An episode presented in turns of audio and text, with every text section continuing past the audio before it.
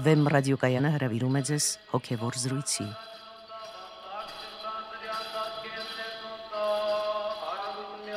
Սիրելի ունկնդիրներ, Վեմ ռադիոկայանի եթերում են արժանապատիվ Տերմեսշոպ Քահանա Արամյանը եւ Մանուկ Երգենյանը։ Այսօր մենք կզրուցենք տարապանքի մասին։ Օրհնեցեք Տեր հայր։ Աստված օրհնի։ Տեր հայր, տարապանքը մարդկային կյանքի անբաժանելի ուղեկիցն է։ Չկա մարդ, որ չտարապի։ Երբ ես պատանի եի եւ կանգնած էի հոգեվոր դարձի ընտրության ճանապարհին, ինձ համար ամենակարևոր հարցերից մեկը դա տարապանքի հարցն էր։ Քրիստոնեությունը իր ճշմարտության բացարձակությամբ այլընտրանքի տեղ չէր թողնում, բայց միևնույն ժամանակ այն ասում էր, որ դա տարապանքի ճանապարհ է։ Ավետարանում Հիսուս ասում է, որ աշխարհում նեղություն կունենաք։ Պողոս Արաքյալն հավաստում է, թե ով որ ուզում է Աստվածպաշտությամբ ապրել նեղություն պիտի կրի։ Սաղմոսում էլ ասում է, թե մեր կյանքի օրերի թիվը 70 տարի, առավելագույնը 80, որոնց մեծ մասն ասնում է ցավով ու հեծությամբ։ Այս մեղմ ասած ոչ դյուրին ընտրության արչև մարդկային գիտակցությունը անընդհատ սղոցում է մի հարց. Ինչու։ Ինչու պետք է ճշմարտության ճանապարհը, որն ի վերջո երջանկության ճանապարհն է, լինի տարապանքի ճանապարհ։ Մինչև հարցին պատասխանելը կխնդրեմ լսենք մեր թղթակից Նոեմի Անդրեասյանի ռեպորտաժը, որը զրուցել է մարդկանց հետ այս թեմայի շուրջ։ Տարապանքը չարիք է։ Երևի դա հետևանքն է։ Ինչի հետևանք։ Եթե չարիք ա եղել, մարդ տարապում է, չէ՞։ Ուրեմն չարիք չպետք է լի արժի հերթին։ Դուք կուզենայիք տարապել։ Ոչ։ Իսկ չեք կարծում, որ միայն հաճելի բաներով ապրող մարդը կարող է կորցնել իր դեմքը։ Նայած ոնց է, կա կյանքի մակարդակ, կա կյանքի որակ։ Այնպես մեր այսօրով այս մեր նոր հայերը, այսպես ասած, հարուստները, որ շատ գումարներ ունեն։ Իսկ թվում նրանք կյանքի որակ չունեն։ Փող շատ ունեն, բայց այդ որակը չկա։ Ձեր կարծիքով տարապանքը չարիք է։ Ոչ, ընդհակառակը։ Իսկ դուք կուզենայիք տարապել։ Իհարկե ոչ։ Ոչ ոք չի ուզենա տարապել։ Տարապանքը չարիք է։ Տարապանքը չարիք է իհարկե։ Ինչու։ Որտեղ որ տարապում է, տարապում են չարիք է։ Դուք կուզենայիք տարապել։ Ոչ։ Իսկ չեք կարծում, որ միայն հաճելի բաներով ապրողը կորցնում է իր մարդկային դեմքը։ Շատ ցանկանանք հաճելի ոչ մի բան էլ չկա, որ կորցնենք դեմքներս։ Այնպես որ դեմքը միշտ մնում է նույնը։ Տարապանքը չարիք է։ Նայած տարապանք։ Սիրոնը չի երևի։ Ինչու։ Ավելի գեղեցիկ է սարքում մարդու հոգին։ Իմ կարծիքով։ տարապել։ Ընդհանրապես չէ։ Չեք կարծում, որ միայն հաճելի բաներով ապրողները կորցնում են իրենց մարդկային դեմքը։ Կարծում եմ, վստահ եմ։ Տարապանքը չարիք է։ Իհարկե չարիք է։ Ինչու։ Որտեւ այն ինչ որ հաճիկ չի պատճառում, մարդուն չարիք ա, ոնց կարող է չարիք չլինի։ Իսկ չեք կարծում, որ միայն հաճելի բաներով ապրող մարդը կարող է կորցնել իր դեմքը։ Չէ, չեմ կարծում։ Ես ընդհակառակ համոզված եմ, որ դուք հաճելի բաները ինչի նկատի ունեք, մենակ ժամանցի ձևերը չեն հաճիկ պատճառում մարդուն։ Մարդուն հաճիկ է պատճառում, երբ որ ինքը առողջ է, երբ որ ինքը շրջապատված է իր սիրելի մարդկանցով, ոչ մեկին չի կորցնում, ոչ մի առիթ չկա, որ ինքը վշտանա իրաք իրաք աշխատանքով ազբաղում, ստեղծագործում չի մտածում ժամանակից կախման մեջ չի, որ մտածի վաղ հեսա ես որոշ ժամանակ կապրեմ, իմ կյանքը կվերջանա, ինձ այնպես ինչ եմ թողնելու։ Ես հաճիկը հետ եմ հասկանում։ Տարապանքը չարիք է։ Տարապանքը չէ, տարապանքի միջոցով մարդ ազատագրվում է եւ շատ բաներ սկսում է հասկանալ։ Բայց իհարկե տարապանքը չի կարող շատ երկար տևել, որովհետեւ կարող է բերի ճգնաժամի։ Բայց որոշակի տարապանքը յուրաքանչյուր մարդու համար անհրաժեշտություն է։ Դուք կուզենայիք տարապել։ Ես շատ եմ տարապել, ամբողջ կյանքս տարապում եմ։ Տարապանքը չարիք է։ Տարապանքը չէ աղջիկ ջան, գիտեք ինչ, չարիքը ուրիշ բան է, տարապանքը ուրիշ բան է։ Դրանք տարբեր հասկացողություններ են։ Ինչ է տարապանքն։ Տարապանքը տանջանք է, չարչարանք է, հիվանդություն է, ես ինչ գիտեմ, այն նման բաներ է։ Տարապանքը դա է, որ տարապում ես։ Սոցիալական վատ վիճակ է, այսինքն իմ թվացները մտնում են, հա։ Չէ, բոլորովին։ Չեք կարծում, որ միայն հաճելի բաներով ապրողը կարող է կորցնել իր մարդկային դեմքը։ Չէ, հաճելի բաների հետ նաև անհաճելի բաներ են լինում։ Դրան մեկը մեկին հավասարակշռում են։ Այսինքն չի կորցնի դեմքը։ Չէ։ Տերեր մարդիկ չեն ուզում տարապել, եթե նույնիսկ այն չեն համարում չարիք։ Այս համատեքստում առավել կարևորում է տարապանքի իմաստի հարցը։ Եվ այսպես, ինչու է ճշմարտության եւ երջանկության ճանապարհը տարապանքի ճանապարհ։ Դա շատ լուրջ խնդիր է եւ այս մասին գրում են եկեղեցու հայրերը եւ նաեւ Սուրբ Գիրքը բազմիցս խոսում է տարապանքի, չարչարանքի կամ վշտերի մասին, որոնցից մի քանիսը դուք մեջ բերեցիք ձեր հարցումներում բայց նաև կարող ենք ուղակի մեջ բերում անել ավետարանից մեր Տեր Հիսուս Քրիստոսի խոսքերից, որը բացահայտում է տարապանքի կամ չարչարանքի կամ վշտերի ուղակի իմաստը Երանի սքավորներին։ Այստեղ արդեն ոչ թե ասում է, որ տարապանքը չարչարանքը եւ նմանատիպ բաները մարդուն բերում են որոշակի աստիճանի, այլ ուղղակի երանում է այդպիսի մարդուն։ Դրա համար մենք պետք է լավ հասկանանք, թե ինչ իմաստներով է այս բառը գործածվում։ Այսինքն այդ տարապանքը, չարչարանքը, վշտերը, որոնք ասվում են, որ նպաստավոր են հոգևոր կյանքի համար, ինչ իմաստով են գործածվում, որտեղ իսկապես կարող են լինել վիճակներ, այսինքն տարապանքի վիճակներ, չգիտակցված նամանավանդ վիճակներ, ոչ հոգևոր գիտակցությունից բխող, որոնք մարդուն կարող են կործանել այսինքն անգամ հասցնել հուսահատության եւ մինչեւ անգամ ինքնասպանության բնականաբար Սուրբ Գիրքը այդպիսի բաների մասին չի խոսում։ Բացի դրանից, որպեսի մենք ճիշտ հասկանանք այս բոլոր հասկացողությունները, մենք պետք է նախ ֆիքսենք, թե ինչպիսին է մարդու վիճակը դրախտային այդ վիճակից ընկնելուց հետո ինչպիսի վիճակում է գտնվում մարդը մարդը իրականում աստծուց կտրված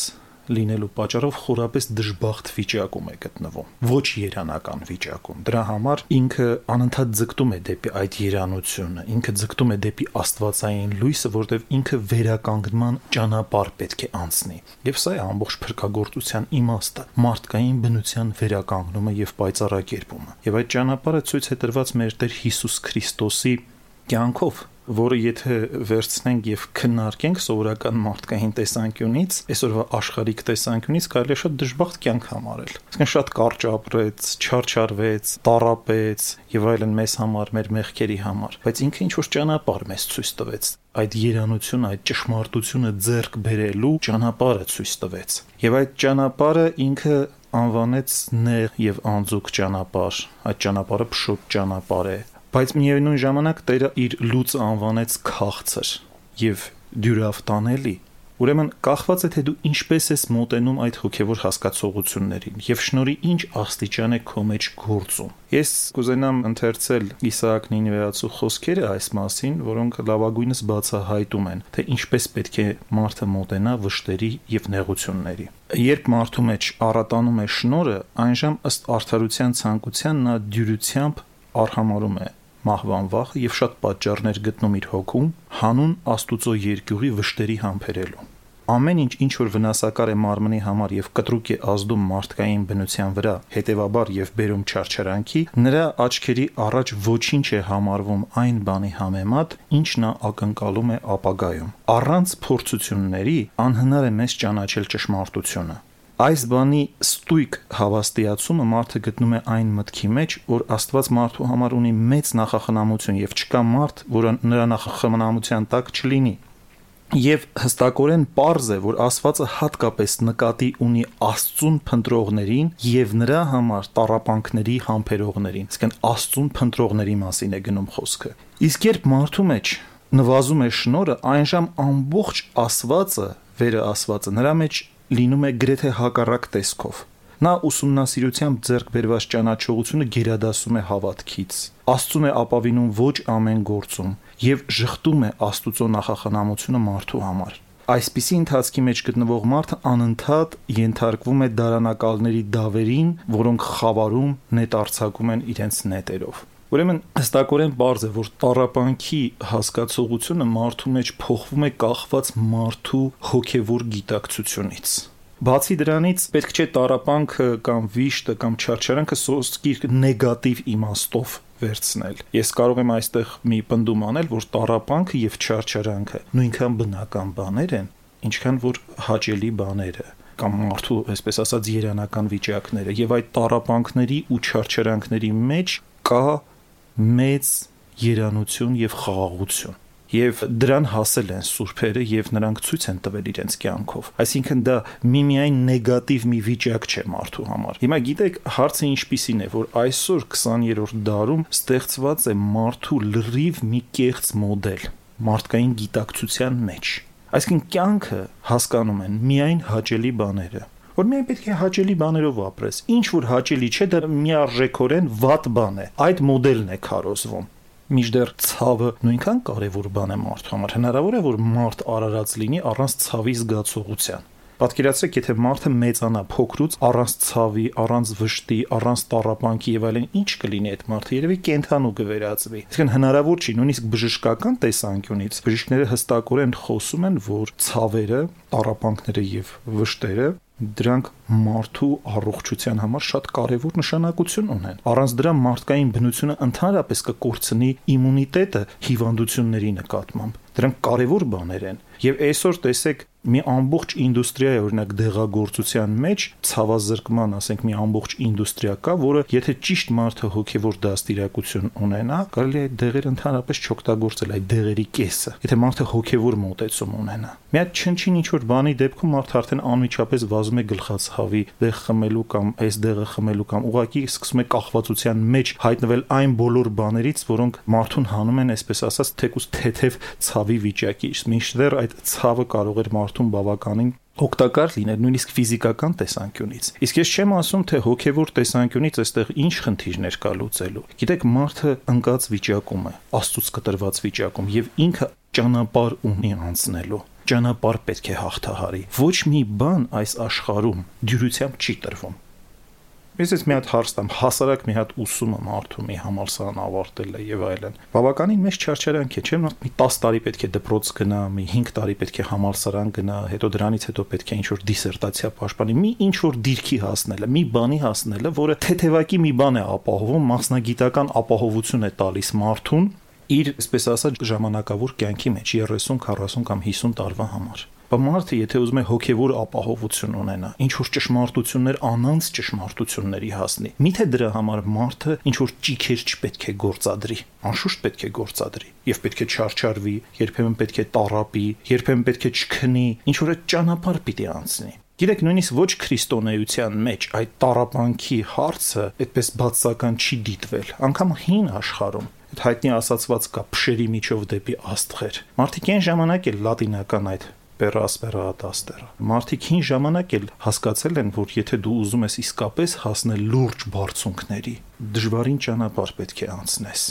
Նամանավանդ եթե դու գիտես, ինչպես Իսահակ Նինվեացին ասում, որ դու հանուն Աստծո ես տարապում եւ հանուն անանց բարիքների, արդեն այդ տարապանքները չնչին բաներ են քո աչքի առաջ։ Դու երբեք չես տկարանա այդ տարապանքների մեջ, որովհետեւ դրանք բերում են քո մեջ ճշմարտության բացահայտման երանական վիճակի մեջ ես դու հայտնվում եւ Տերը պատահաբար չի ասում, որ երկնքի արխայությունը ձեր մեջ է, այսինքն այս կյանքում է տրվում մարդուն։ Ես կարող եմ ամենայն վստահությամբ ասել, որ երկնքի արխայությունը չի տրվում այս կյանքում հաճույքների ձգտողներին, այլ տրվում է այն մարդկանց, ովքեր ճշմարտապես հասկանում են, թե ինչպես պետք է մոտենալ հոգևոր կյանքին։ Տեսեք, եկեղեցու հայրերը այդ սուքը, որի համար Տերը երանում է, Երանի սքավորներին։ Ավելի տարօրինակ բան աշխարհիկ մարդու համար հնարավոր չէ մտածել։ Երանի սքավորներին, բայց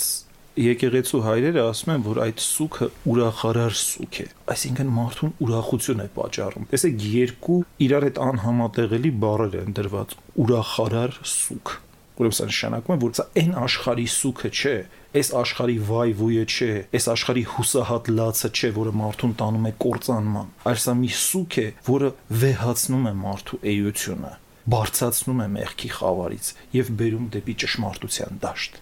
Դերեր, դուք ձեր խոսքում նշեցիք, որ ցավը եւ տառապանքը հակաբնական չեն։ Թույլ տվեք բերել հետեւյալ փաստարկը. եթե դրանք հակաբնական չեն, ապա ինչու Աստված աշխարհն արարելիս ի վերջո տարապանք չարարես, դրախտում չկար տարապանք։ Եվ նաև հավիտենական կյանքում չի լինելու տարապանք։ Այսինքն դա արդյոք չի նշանակում, որ մարդու բնական վիճակը ոչ տարապալից վիճակն է, այլ երանության եւ հաճելի վիճակն է։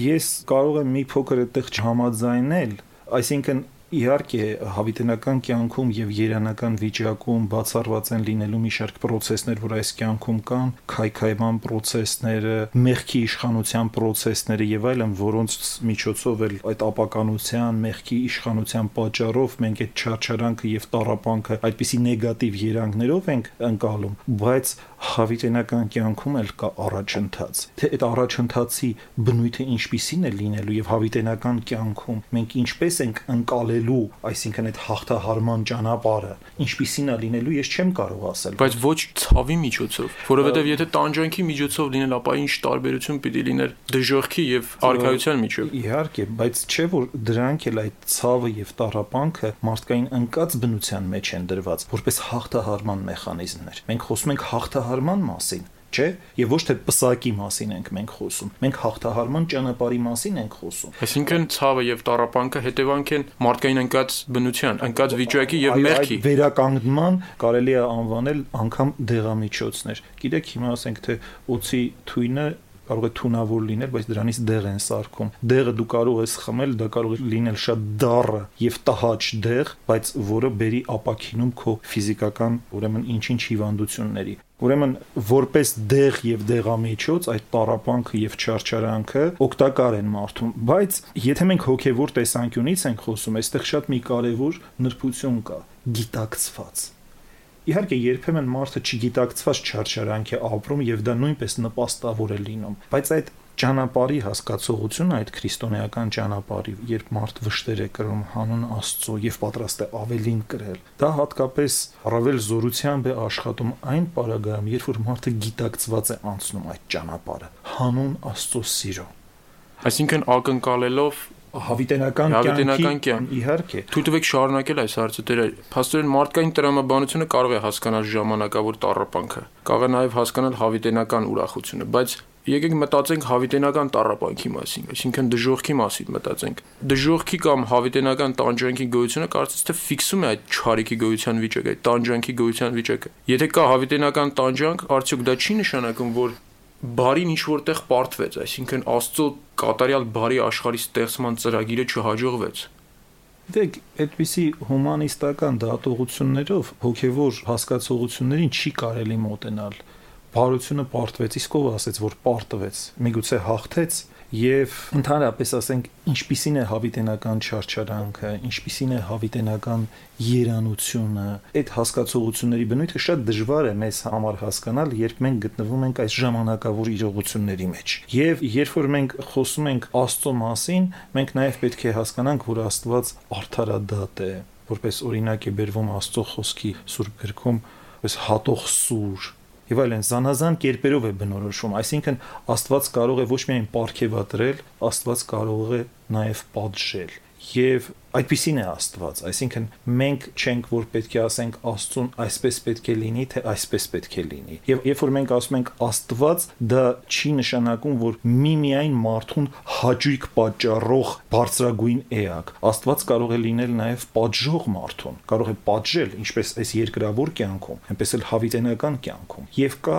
Աստծո կողմից դրված հավիտենական օրենք, եւ մենք պարտավոր ենք այդ հավիտենական օրենքին ենթարկվել։ Կներեք մենք աշխարհի կյանքում ապրում ենք ինչ որ օրենքների ենք ենթարկում։ Մենք հարցնում ենք այդ օրենքները հաճելի են, թե հաճելի չեն։ Ստիպված ենք այդ օրենքներին ենթարկվել։ Մենք միայն կարող ենք ասել, որ Աստծո օրենքի մեջ կա անսահման մարդասիրություն անսահման մարդասիրություն կա եւ աստվածային օրենքը բխում է Աստծո այդ անսահման սիրուց մարդու նկատմամբ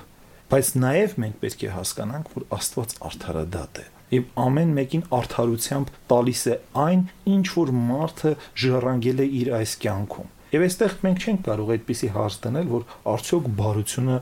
չպարտվեց։ Այդպիսի բան չկա, դա ոչ մի ինչ որ օրինաչափությունից չի բխում, բարությունը պարտվեց, թե հաղթանակեց։ Դրանք ընդհանրապես գիտեք հոգեբանական հարցեր են, որոնք հոգեվոր ոլորտում կարող են չաշխատել կա ճշմարտություն եւ ճշմարտությունը հայտնված է մեզ։ Եվ մենք այս կամ այն կերպ ոչ թե պետք է փորձենք ասել այդ ճշմարտությունը պետք է այսպեսին լիներ, այսպեսին չպիտի լիներ։ Մենք պետք է այդ ճշմարտության հետ ճշմարիտ փոխհարաբերության մեջ մտնենք։ Տեր այլ, իսկ ինչ կասեք երեխաների տարապանքի մասին։ Ֆյոդոր Դոստոևսկին մի արտահայտություն ունի։ Ասում է մարդկության ամբողջ տարապանքը չարժե մեկ երեխայի արդյունք։ Եթե մեծահասակի տարապանքը կապված է մեղքի հետ, ապա երեխան ինչու է տարապում։ Պատկերացնեք 2 տարեկան երեխա, որ տարապում է քաղցկեղով։ Որն է սրա արդարացումը։ Նախ պետք է ասել, որ ինչպես մեծահասակները, այնպես էլ երեխաները ենթակա են մեղքի եւ չկա նախ մարդ, որը մեղքի ենթակա չլինի փաստորեն մկրտության արարողությամբ մարդը ազատագրվում է սկզբնական մեղքից։ Եթե մենք ասում ենք, որ կա սկզբնական մեղք, մենք դրանով նաև հասկանում ենք, որ մարդկային ընդհանրապես բնությունը վնասված է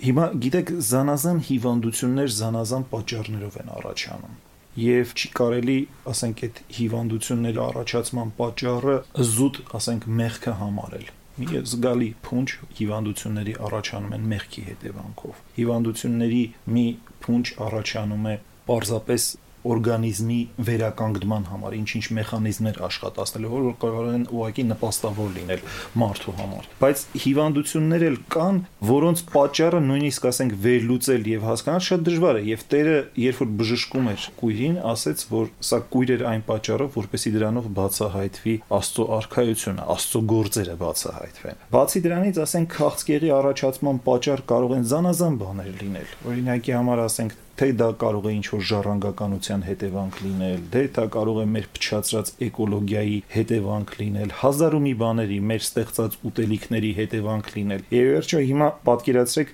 20-րդ դարում, օրինակ եմ ես դեզ ասում, կտրուկ աճել է քաղցկեղով հիվանդների քանակը։ Հիմա չէ որ դա 20-րդ դարի նաև հետևանքն է եղել, այսինքն հիվանդությունների մի զգալի պատճառ կարող է հենց մարդկանց պատճառով առաջանալ։ Ուղղակի մարդիկ են ստեղծում այդպիսի պատճառներ, որոնք բերում են ինչ-ինչ հիվանդությունների կտրուկ աճի, բայց եթե կտրվելու լինենք զուտ քաղցկեղից, օրինակ հարց տանք, եթե երեխան փոքր ժամանակ մահանում է, Մենք 1 տարեկան երեխա է մահանում է կամ երկրաշարժ է լինում։ Բավականին թվով մարդիկ են մահանում, ընդորում նաև նույնիսկ փոքրիկ երեխաներ։ Հիմա Աստծո բարությունը դրանով նվազեց, այսինքն ինչով է չափվում Աստծո բարությունը երկրավոր կյանքում ինչ-ինչ բարիքներ տալով, թե նրա անսահման սիրով մարդու նկատմամբ, որը օրինակ ասենք փոքրերի պարագայում եկեղեցու հայրերը ասում են, որ երբ որ փոքր երեխան մահանում է, նա ուղակի հրեշտակների դասին է դասվում, այսինքն երանական վիճակում է հայտնվում։ Այստեղ կարելի է դատողություններ անել, եթե այդ երեխան մեծանար օրինակի համար եւ այդ երեխան ասենք ինչ որ մի հանցագործությամբ զբաղվեր կամ ինչ որ վատ բանով զբաղվեր եւ ընդհանրապես կորցներ փրկության հույսը եւ չգնար արխայություն ապա որն է լավ ավելի շուտ ժամանակում երեխայի կյանքը վերցնելը, թե թողնել, որ այդ երեխան ինչ որ կյանք ապրի եւ չարժանանա փրկության։ Ուրեմն այստեղ մենք եթե դատում ենք փրկության տեսանկյունից, փրկաբանական տեսանկյունից, մեր դատողությունների շեշտադրումները փոխվում են։ Բայց եթե մենք փրկության հարցը թողնում ենք լրիվ մի կողմ մարդու փրկության հարցը եւ միայն վերցնում ենք երկրավոր կյանքը, այս երկրավոր կյանքը չկա փրկություն Մարդը ծնվում է եւ մեռնում է ու դառնում է ворթերի կերակուր, ինչպես ասում է Շեքսպիրը։ Եթե մենք այդ կյանքն ենք քննարկում, ապա ձեր ասածը շատ սոսկալի բան է, ահա որ անտանելի բան է։ Բայց եթե մենք հասկանում ենք, որ մարդը դեպի հավիտենականություն գնացող էակ է, եւ 5 տարին, 10 տարին, 20-ը, 30-ը եւ այլն, դրանք ըստ էության այդքան էլ իրար իշ չեն տարբերվում։ Այստեղ կարեւորը թե մարդը դեպի ուր է գնում Եվ մենք նաև եթե հասկանում ենք, որ մեր կյանքի Տերը մենք չենք, այլ Աստված է, Աստված է այն տալիս եւ Աստված է այն վերցնում, ապա մեր դատողությունների շեշտադրությունները մի փոքր այլ կլինեն։ Մենք այդպես չենք մոտենա այդ խնդիրներին։ հիմա մեր Տերն էլ 33 տարեկան հասակում, ուրեմն մահացավ։ Այսինքն մենք հիմա ասենք, որ ինքը դժբախտ մարդ է եղել կամ ինչ վատ էր, որ 33 տարեկան, նույնիսկ հայրերը անվանում են 33 տարին կատարյալ տարիք ասում են որ դա կատարյալ տարիք է այսինքն ըստ էության մարդը 33 տարեկանում կարող է ամեն բան անել եւ ամեն ինչի հասնել հիմա գիտեք այսօր նույնիսկ մարդիկ դեղեր են մտածում զանազան միջոցներ են հնարում կյանքը անverջ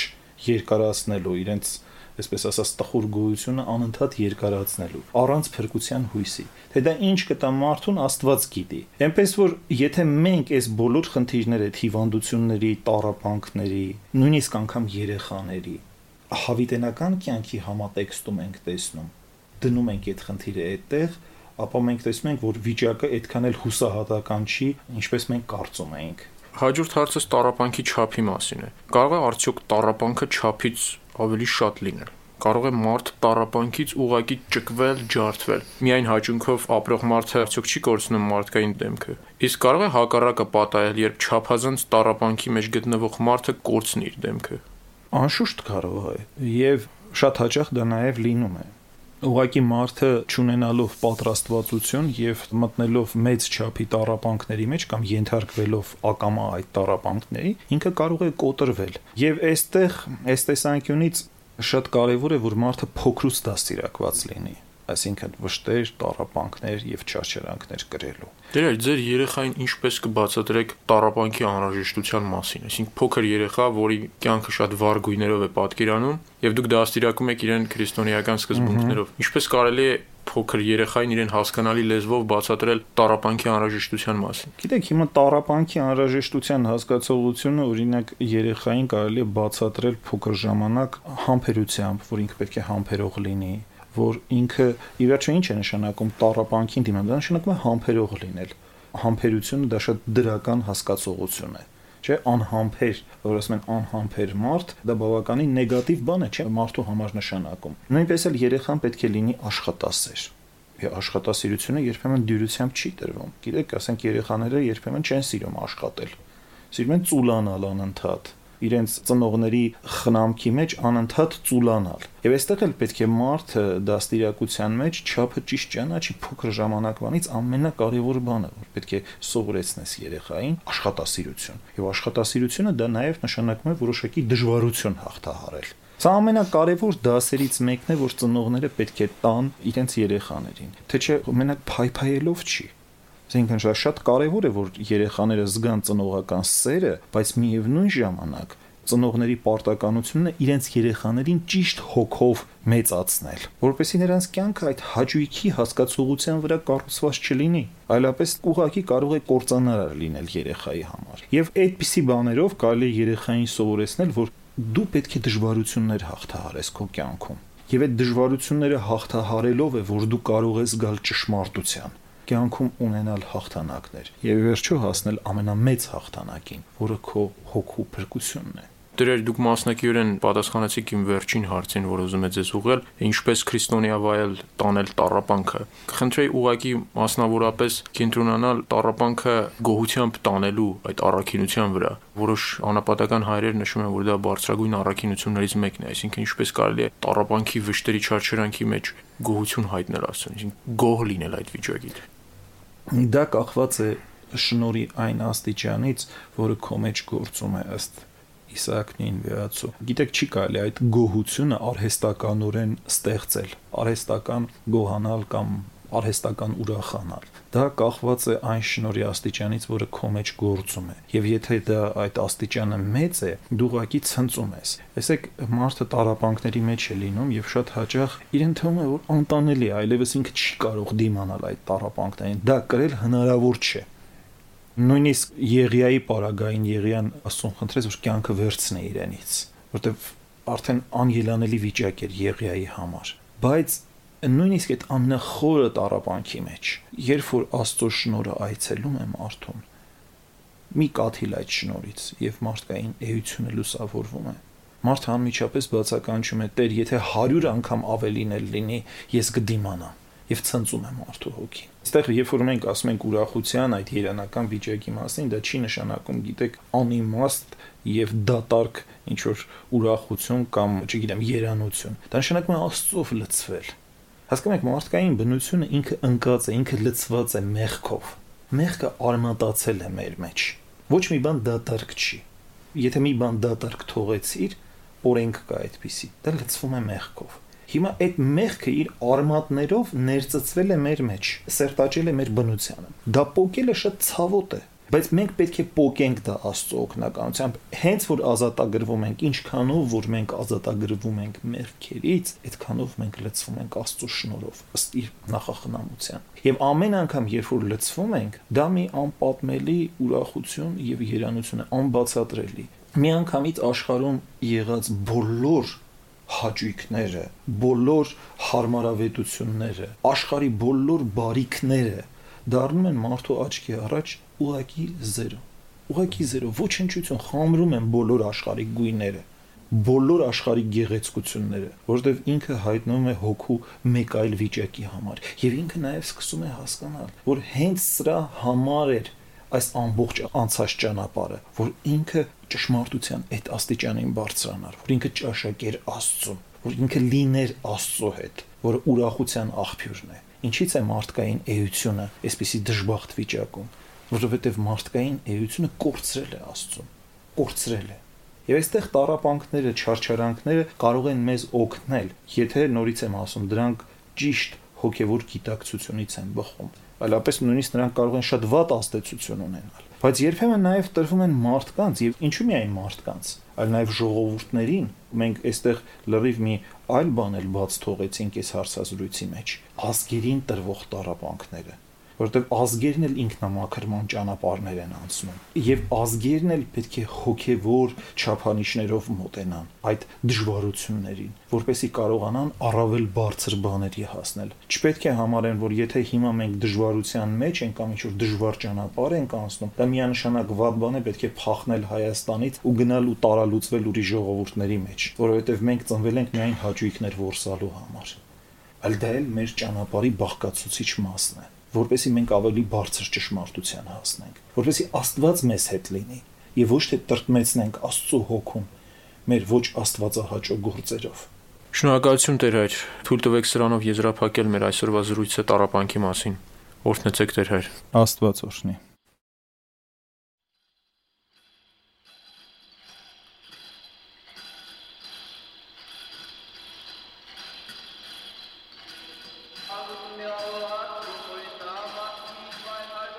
Հոգևոր զրույցներ հաղորդաշարի հերթական հաղորդումը վարեց Մանուկ Հերգնյանը։